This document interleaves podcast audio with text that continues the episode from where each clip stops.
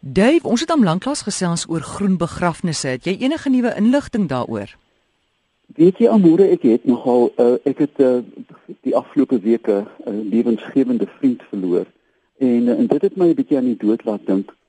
En ook weer eens laat besef, weet hierdie is een van die grootste banaliteite dat ons almal gaan sterf. Ons moet dit weet. Mm. En is eintlik ook verstommend Amore hoe min mense eintlik daaroor wil praat of daaraan wil dink want die dood het abstrakt geword, né? Dit is dit uh, ons gaan na 'n hospitaal toe, daar's helder ligte, daar's pype en dan sterf ons. En ek hou altyd aan en ek het dit spesiaal gaan nalees amore die die wonderbaarlike ding wat Thomas Hardy gesê het in sy lieflike roman Jude the Obscure. Hy het gesê teach me to live that I may dread the grave as little as my bed. Teach me to die wys my hoe ek moet doodgaan. En dis my so lieflik is dit nie. Mm. Wys my die pad om hoe om goed te sterf. En dit bring my uiteraard dan by hoe kan ons mense dan ons geliefdes anders begrawe as die tradisionele. Nou ja. Skaars 50 jaar gelede het mense by die huis dood gegaan. Ons het al daaroor gepraat. Maar deesdae kom, is dit heeltemal abstrakt. Mense kom die liggaam haal, dit verdwyn in 'n oond. Maar dan is daar 'n nuwe wending aan môre as jy weet van verrassing. Almal sê dit is my wens dat ek moet verras word, selfs myne. Tot ek natuurlik nou die week gaan kyk het wat dit aan kilojoules kos om van hierdie ou liggaam ontslae te raak. Jy weet die oond gaan tot 700 grade Celsius ure en 'n half gemiddeld en nou praat ek nie van soustannings en sousooms nie, jy weet as jy dis vir 'n normale hmm. liggaam. En daar's ontsaglike vrylating van gasse, CO2, koolstofmonoksied, formalien van die kus, uh, hout, uh, 'n hele klomp nare goed wat die lug ingepomp word. En as 'n mens dit wil reduseer na verstaanbare vlakke, dan is dit genoeg petrol, die ekwivalent om van 'n prins van Kaapstad na Lusaka toe te ry met jou gemiddelde motor. Dis 'n verskriklike lot energie wat daarmee ingaan.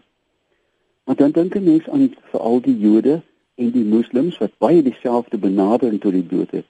En hulle sê die liggaam moet dieselfde dag begrawe word en eenvoud. Kyk 'n bietjie na 'n Joodse begrafnis en kyk 'n bietjie na 'n moslim. Daar's geen praal nie amore. Die mhm. liggaam is in 'n doek toegewikkel. En toe dink ek, "Maar my magtig, jy weet, dit is mos nou niks nuut nie. Kan ons nie begin dink aan byvoorbeeld in plaas van 'n begrafplaas 'n begraafwoud hê waar ons geliefdes tussen bome kan neerlê nie waar die bome dan voed op die liggaam nie direk nie maar indirek. Kan ons nie begin dink aan môre? Ek dink dit sou mooi wees. Plaas van 'n 'n kus vol vernis en en en nare metaal kartoeters daarop vlinders en engele. 'n plank en 'n liggaam in 'n pragtige geweefde doek. Kan dit nie mooi wees nie En kom ons dink aan werkverskaffing. Ons het 'n hele span mense om gate te grou. Ons het 'n mooi park. Wie wat ons moet doen? Ons moet die wat lewe vereer en koester en lief hê terwyl hulle lewe. Dit help nie om na mense se dood met 'n verskriklike publieke geween en 'n getrek van nie. Dit beteken eintlik dat ons vir onsself huil en nie mm, vir die wat ja. weg is nie. Ek hou vol amore. Kom ons maak iets van die wat lewe dit werd is, as hulle vriende en geliefdes is. Maar dan klink dit my veel beter aan môre dat die mens die dooies verheerlik met lewende monumente, soos bome in plaas van silose dooie klip en klei.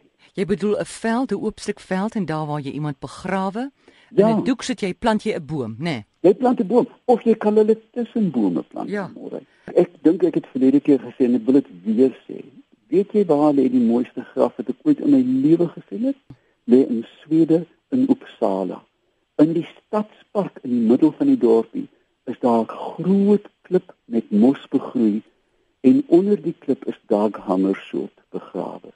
Die wonderbaarlike staatsman lê waar kinders oor sy graf kan speel, waar hondjies teen die klip staan en pie, waar mense piknik hou.